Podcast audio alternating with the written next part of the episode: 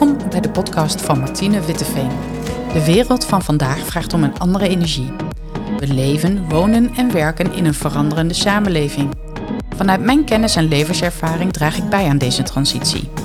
Ik neem je mee in de thema's leiderschap, bewustzijn en zakelijke zingeving. Plus, ik ga hierover in gesprek met experts. Fijn dat je luistert naar deze aflevering in de serie Zaken die zin geven. Deze nieuwe aflevering van Zaken die zin geven zit bij mij aan tafel Mariette Veldhuis. En net zoals mijn voorgaande gasten is Mariette iemand die al een tijdje in mijn leven is en eh, die ik op verschillende fases in mijn loopbaan al ken. En uh, zij heeft een boek geschreven, Heilige Zorghuisjes, waar we het later nog over gaan hebben. En het thema van vandaag is toch eigenlijk wel de gezondheidszorg. En welkom Mariette als eerste. Dankjewel, dank voor de uitnodiging. En de gezondheidszorg, want daar ben jij kind aan huis al heel lang. Kun je wat vertellen over je loopbaan? Nou, kind aan huis kun je zeker wel zeggen. Want ik was uh, nog net geen 18 toen ik uit huis uh, ging en ik mijn hart ging volgen en mijn roeping hoorde in, om verpleegkundige te worden. Ik had VWO gedaan en uh, ik ben helemaal geen mo moeilijke puber geweest eigenlijk. Maar ik had maar één roeping. Ik wilde verpleegkundige worden en ik wilde niet studeren. Maar met VWO, met name in 6 VWO, zijn ze massaal bij wijze van spreken bezig geweest om mij te bekeren om toch te gaan studeren. Dus niet gelukt. Ik ben uh, verpleegkundige geworden. En eigenlijk is daar mijn hart ligt nog steeds bij die verpleegkundige als basis. De zorginhoud. De zorginhoud, ja, want je hebt heel lang als verpleegkundige gewerkt.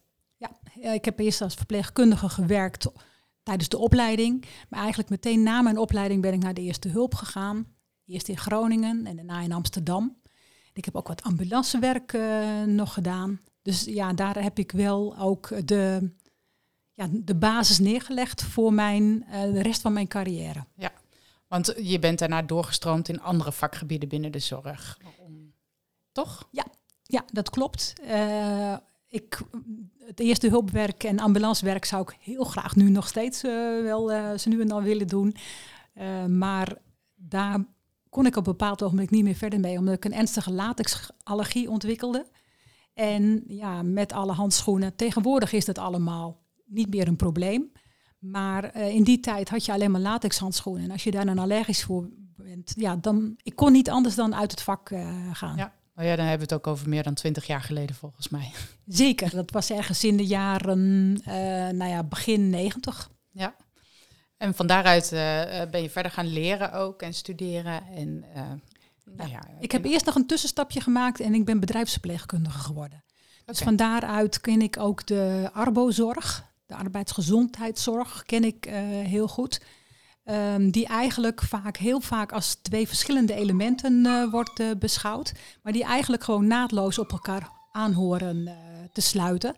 Ja, daar, daar, ligt nog wel een uitdaging zo nu en dan. Toen, maar ook nu nog steeds. Ook nu nog steeds, inderdaad.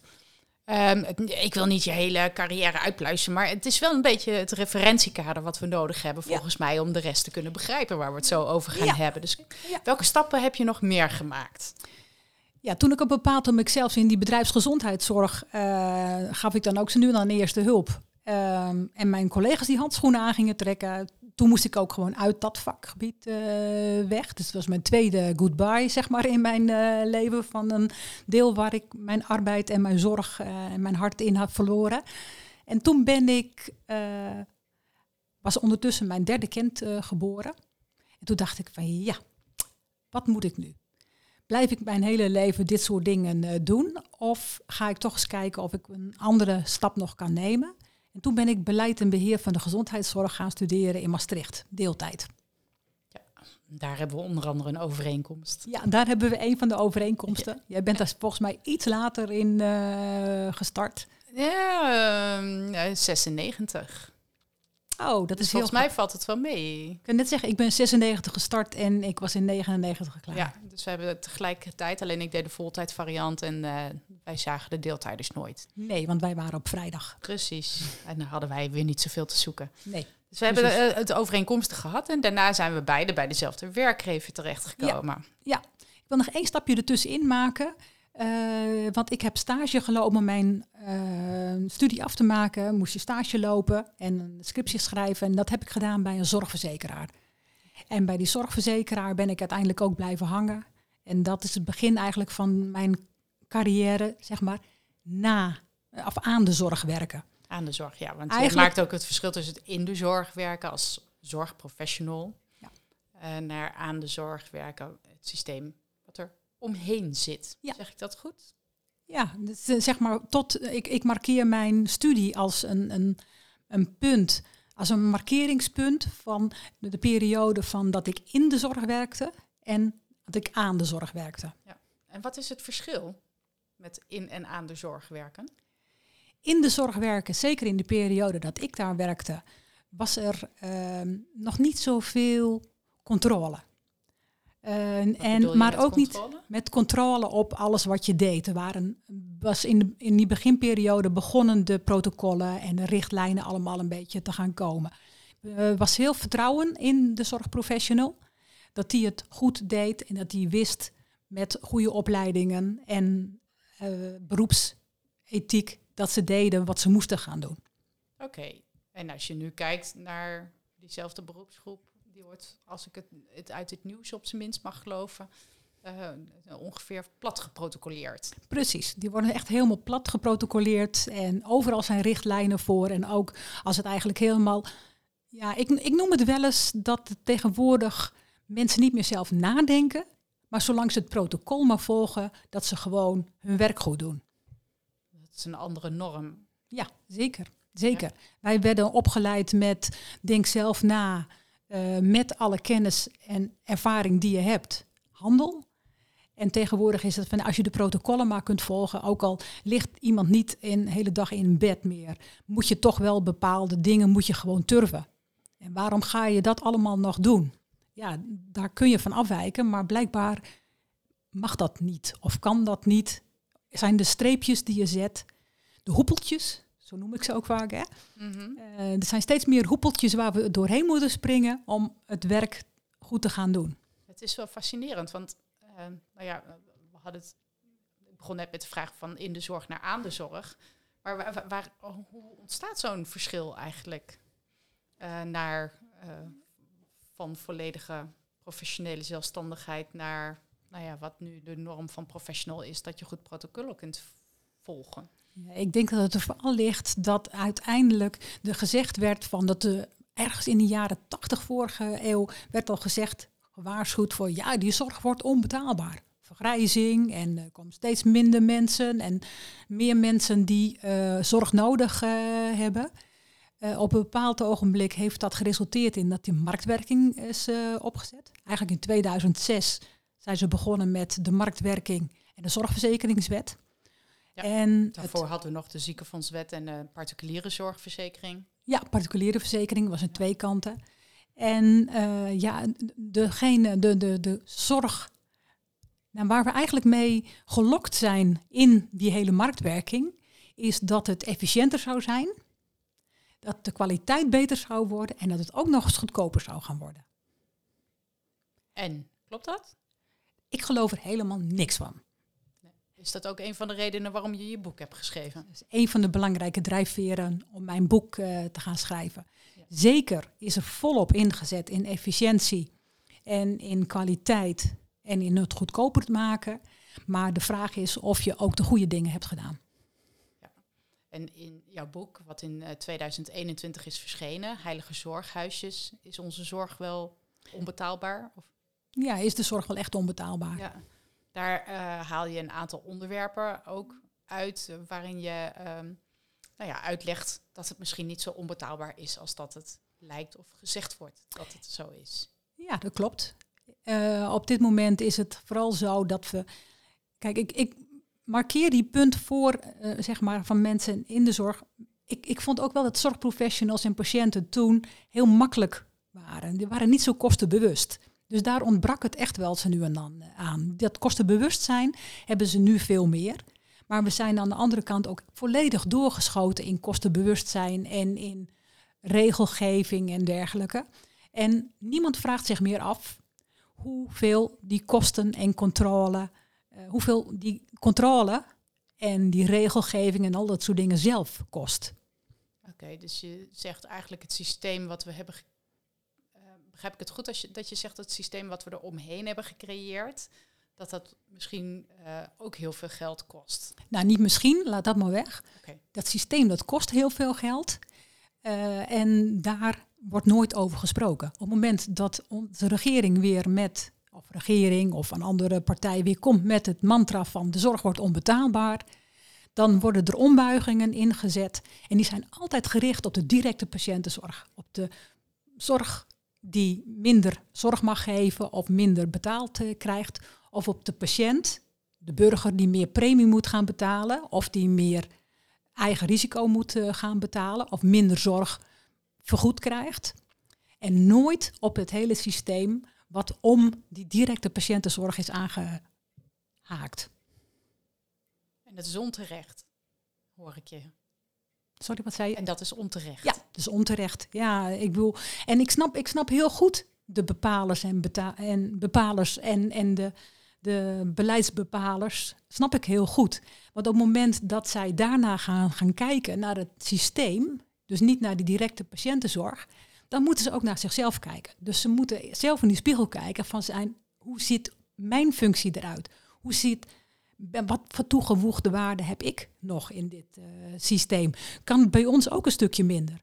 Ja, ik snap heel goed dat dat niet in belang is van de zorgverzekeraar en ook niet in belang van de beleidsbepaler bij VWS of een uh, recruiter of een nou ja, alle partijen die er zeg maar omheen uh, zitten.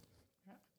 Maar ondertussen lijken we dan wel in een soort impasse te komen. Want aan de ene kant uh, horen we bericht na bericht dat het allemaal onbetaalbaar wordt. De werkdruk is hoog, er stromen heel veel professionals uit de zorg. En aan de andere kant uh, lopen de kosten op en moeten we bezuinigen. Hoe, hoe, gaan we dit doorbreken dan? Wat, wat, heb je ook oplossingen, oplossingsrichtingen? Ja, eigenlijk is het, als je hem heel plat slaat, is gewoon belangrijk dat de zorgprofessional, je te realiseren dat de zorgprofessional gemiddeld 40% van zijn tijd bezig is met door hoepels springen, zoals ik het altijd noem. Met administratie, met vinkjes zetten, met het openen en verantwoorden en data verzamelen van de directe patiëntenzorg. 40%, als je je dat zelf realiseert, als je zeg maar 40 uur per week werkt. Dan ben je 10 uur per week Nee. Nog meer. Nou, zeg maar van acht uur, elke acht uur dat je werkt, ben je meer dan drie uur kwijt aan administratie. Drie uur. Stel je nou eens voor dat je het zou naar beneden kunnen brengen naar een verantwoording. Want ik vind wel dat de verantwoording moet uh, zijn. Dus die 40% die kun je niet meteen zeggen van nou, die gooien we overboord. Stel je voor dat je die met gewoon 50% terug zou kunnen brengen naar 20%. En dat is nog heel ruim. Ja dan heb je per direct heb je anderhalf uur per dag per professional heb je meer aan tijd om aan directe zorg te gaan besteden. Nou, als je dat gaat doorgevoeren op een groter geheel, het aantal zorgprofessionals in het algemeen, dan heb je eigenlijk, is het nog maar de vraag of er wel een tekort aan zorgprofessionals is. Oké, want dan heb je zoveel meer uren wat er aan zorg besteed kan worden in plaats van aan andere zaken, dat je zou zeggen van eh, we komen helemaal geen handen tekort. We moeten de handen gewoon anders gaan gebruiken. We moeten de handen anders gaan gebruiken. En ik ben wel even benieuwd, want in vergelijking in de periode, naar de periode dat jij zelf nog als verpleegkundige actief was, uh, hoeveel tijd was je toen kwijt met zulke administratieve lasten? nou, daar heb ik mezelf inderdaad wel eens afgevraagd. Eigenlijk, want als je dan gewoon op de afdeling werkte, dan hadden we s ochtends een overdracht van 10 minuten, kwartiertje we hadden smiddags een overdracht naar de volgende dienst. En tussendoor schreef je wel rapportages en je schreef een temperatuur op en bepaalde dingen die je opviel uh, natuurlijk. Maar voor de rest, ja, ik denk dat we daar nou zeker nou, niet meer dan een uur mee bezig waren over, over op een dag. Dus één van de acht uur. Ja. Dat is aanzienlijk minder nog als de 20% waar je het nu over hebt, ja. waar ja. naar we terug kunnen brengen. Ja, dan moet je ook wel realiseren dat je nu misschien toch in een andere tijd leeft. Maar in deze periode, de afgelopen jaren, zie je de hoepeltjes steeds hoger worden en groter worden en meer hoepeltjes uh, verschijnen. Dan moeten weer die data aangeleverd, want anders dan krijg je geen financiering. Zorgverzekeraar die tegen een zorgprofessional zegt van ja, je mag wel een hoger tarief krijgen, maar daar wil ik die en die data voor terug hebben. We zitten in een systeem dat er juist meer hoepels komen, dus nog meer tijd naar de uh, indirecte tijd gaat. Doordat die 40% eerder groter wordt dan dat die kleiner wordt. En dat is voor alle zorgprofessionals, of je het nou over artsen hebt of uh, ondersteunende handen, thuiszorg. Uh, ja. Eigenlijk, is, eigenlijk zie ik dat zorgbreed. En er zullen echt wel stukken zijn waar het minder uh, is dan die 40%. Maar als je de literatuur leest, wordt eigenlijk die 40% wordt elke keer wel weer teruggehaald. Nou ja, laat het iets minder zijn, maar laat mij dan zien dat het minder is. Ik, ik nodig altijd de overheid uit om mij juist van het tegenovergestelde te overtuigen. Maar kom dan wel met goede en betrouwbare data. En hoe is je boek ontvangen? Want dit is niet nieuw volgens mij, maar. Of. Ja, eigenlijk is mijn boek voor uh, de zorgprofessionals die het gekocht hebben, is het eigenlijk gewoon eindelijk van iemand die opgeschreven heeft dat wij het idee al heel erg lang hebben. Ik heb data en informatie gezocht om juist uh, te bewijzen, tussen aanhalingstekens, nou, om aan te tonen dat daar het systeem zelf, wat we opgetuigd hebben, ook veel geld kost. En of ik dat nou goed gedaan heb of dat ik het nou niet goed gedaan heb, ik ben ervan overtuigd dat ik echt niet verder plank misraak, misla.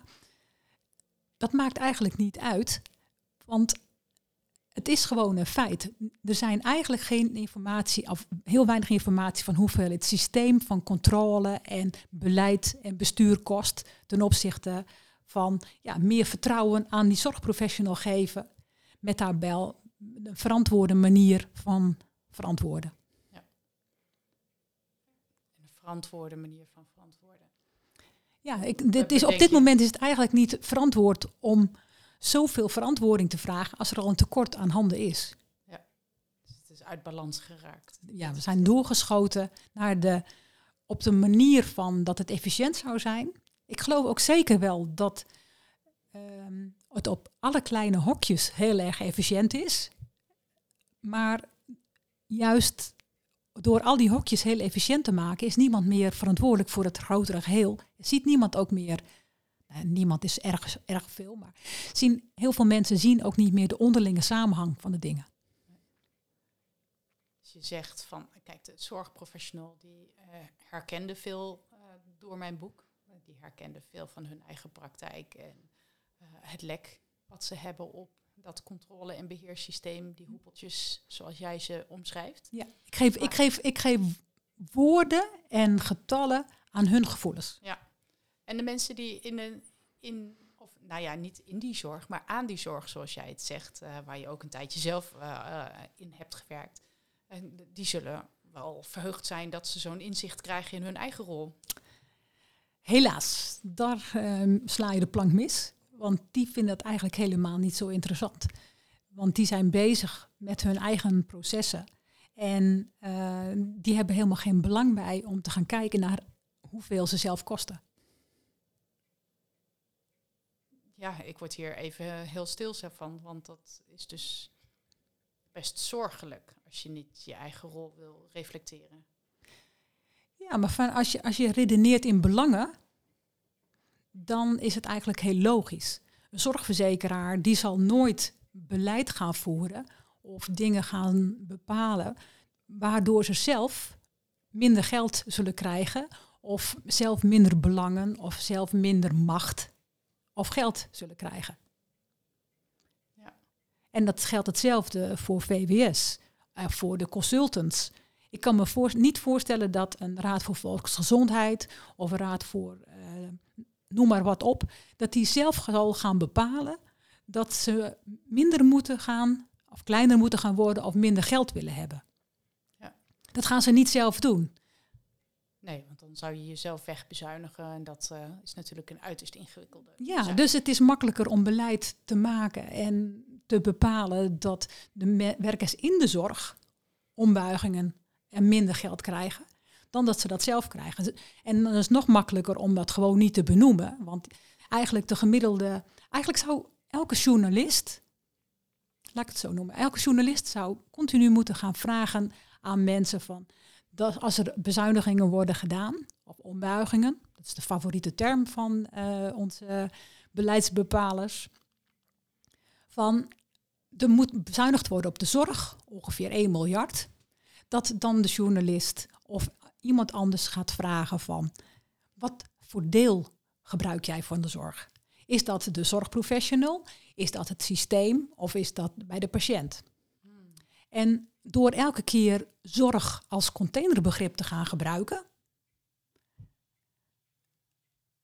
blijven zij ook niet benoemd. De grote ROAS olifant, zoals ik hem dan altijd maar noem, het systeem zelf, en wat de hele organisatie van het systeem kost, daar komt nooit te sprake. Dus daar mogen we meer onze aandacht op richten. Ik denk dat dat een heel belangrijk punt is om je bewust te worden dat zorg een containerbegrip is en dat je daar echt op door moet vragen van welk gedeelte van de zorg. Daarom maak ik ook heel consequent maak ik altijd het verschil tussen werkers aan de zorg en werkers in de zorg. En ja, ik vraag me toch even hardop af, maar waarom maak jij je hier zo druk over? Ja, dat is toch eigenlijk wel mijn, mijn belangrijkste drijfveer, is toch rechtvaardigheid. Rechtvaardigheid, integriteit, dat vind ik echt zulke belangrijke begrippen.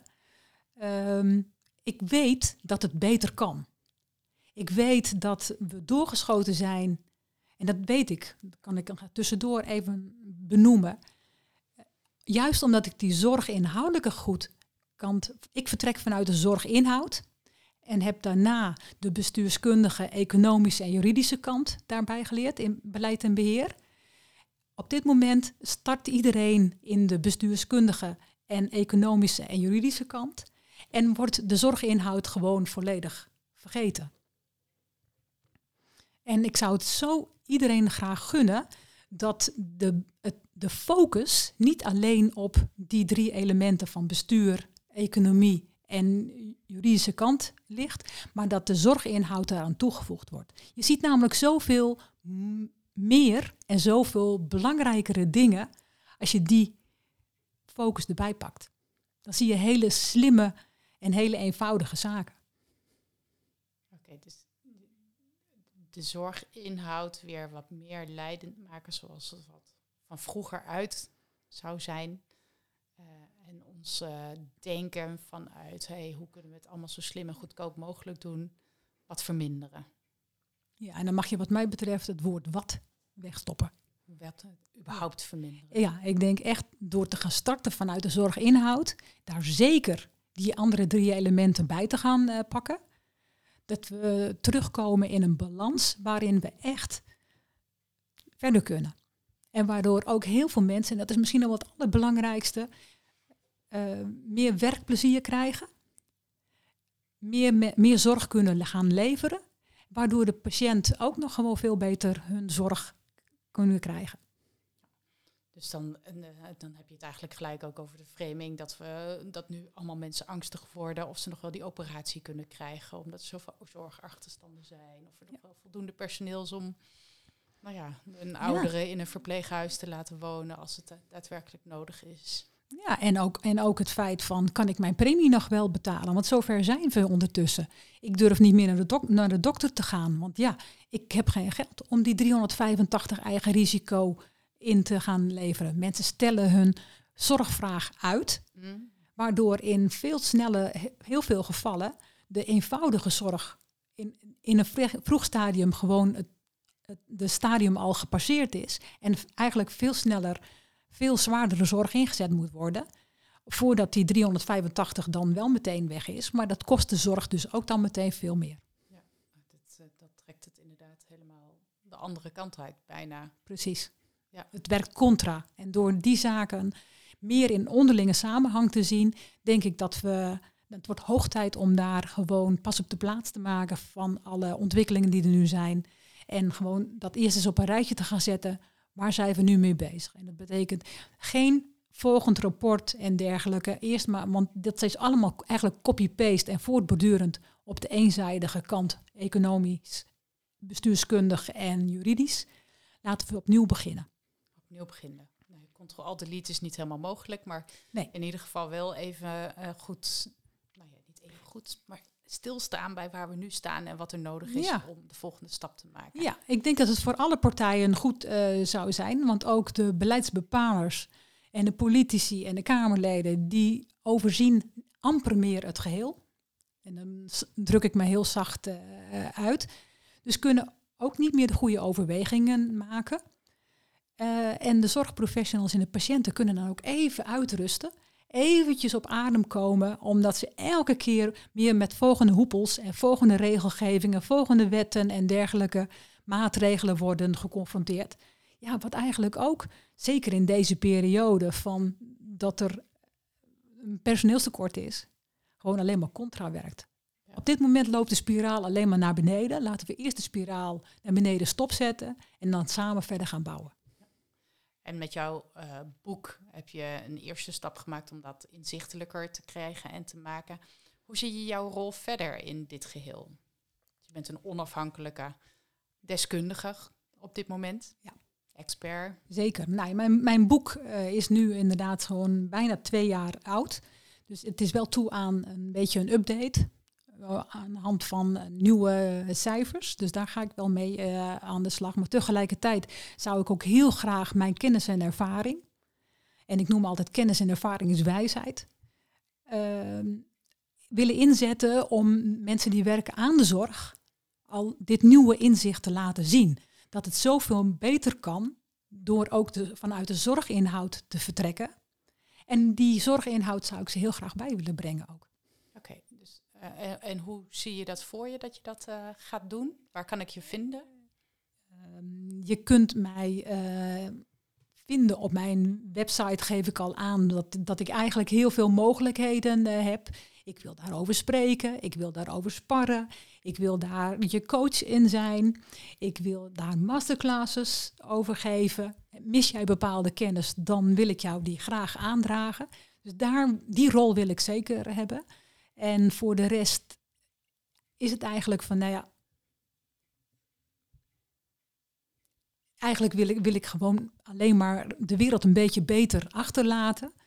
En zorgen dat het evenwicht terugkomt in de zorg. En op welke manier dat dan ook is. Het is maar, kan mij niet gek genoeg zijn. Oké, dus je, je ziet een expliciete rol ook om dit gesprek te gaan voeren en leiden met diegenen die daar eh, nou ja, soms geen belang in hebben, maar ook zeker wel een belang in hebben om voor iedere inwoner van Nederland de zorg weer bereikbaar en goed te krijgen. Ja, zeker. En dat betekent ook dat ik, dat ik niet uitsluit dat ik een bepaalde congres of een conferentie daarover wil gaan eh, organiseren. Op de reguliere congressen zoals de, de zorg op dit moment voert, wordt dit geluid wat ik heb, wordt niet gevraagd, wordt niet gehoord. Ja, dus als, dat, als ik niet uitgenodigd word, dan zal ik zelf moeten zorgen dat het geluid wel gehoord wordt. Ja, dat is een mooie ambitie voor de komende periode volgens mij, om het andere geluid eh, te laten horen en eh, meewerken in eh, de zorgtransitie. Zeker weten, zeker weten. Dat zal niet van vandaag op morgen gaan. Dat zal ook niet zonder tegenwerking gaan. Maar het is wel noodzakelijk, willen we dit stoppen. En eh, ik begrijp dat je boek eh, volgend jaar wel in een eh, tweede versie, aangevulde versie, op de markt zal verschijnen. En dat Ja. we je op meerdere plekken kunnen gaan horen en zien. Zeker weten. Om deze andere kant van de gezondheidszorg, van aan de zorg en in de zorg, te gaan Precies. belichten. Precies. Ja, en www.marjetveldhuis.nl volgens mij om jou te vinden en meer informatie te Mijn telefoonnummer is daar ook. Ik ben altijd beschikbaar om gewoon te sparren.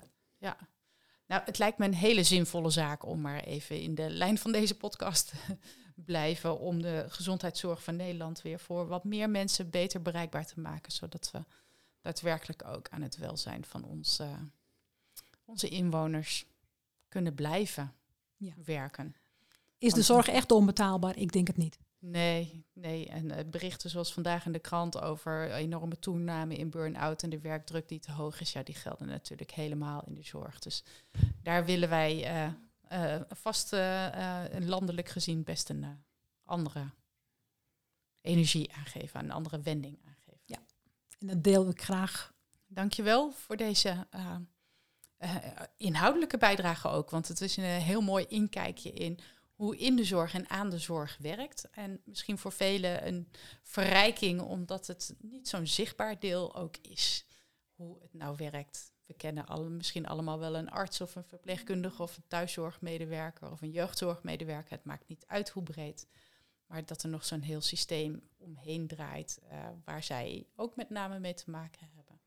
En dat het zo'n invloed heeft op ons kostenpalet, dat is wel een heel indringend inzicht, als ik het uh, nu even zo door laat dringen. Het, het besef dat zorg een containerbegrip is, waar je altijd eventjes door moet vragen van welk deel van de zorg je bedoelt.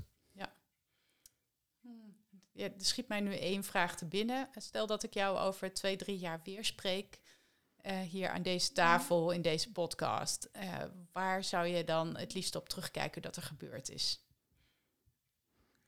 Dat ik op heel veel verschillende mogelijkheden, op heel veel verschillende plekken de gelegenheid heb gehad om mijn boodschap uit te dragen. Dus veel inzicht creëren. Precies. Bewustwording. Bewustwording. Bewustwording. En dan gaat het vanzelf rollen. Daar ben ik van overtuigd. En het gaat sowieso van, vanzelf rollen. Wens ik je daar heel veel succes mee. En tot over een paar jaar. Dankjewel.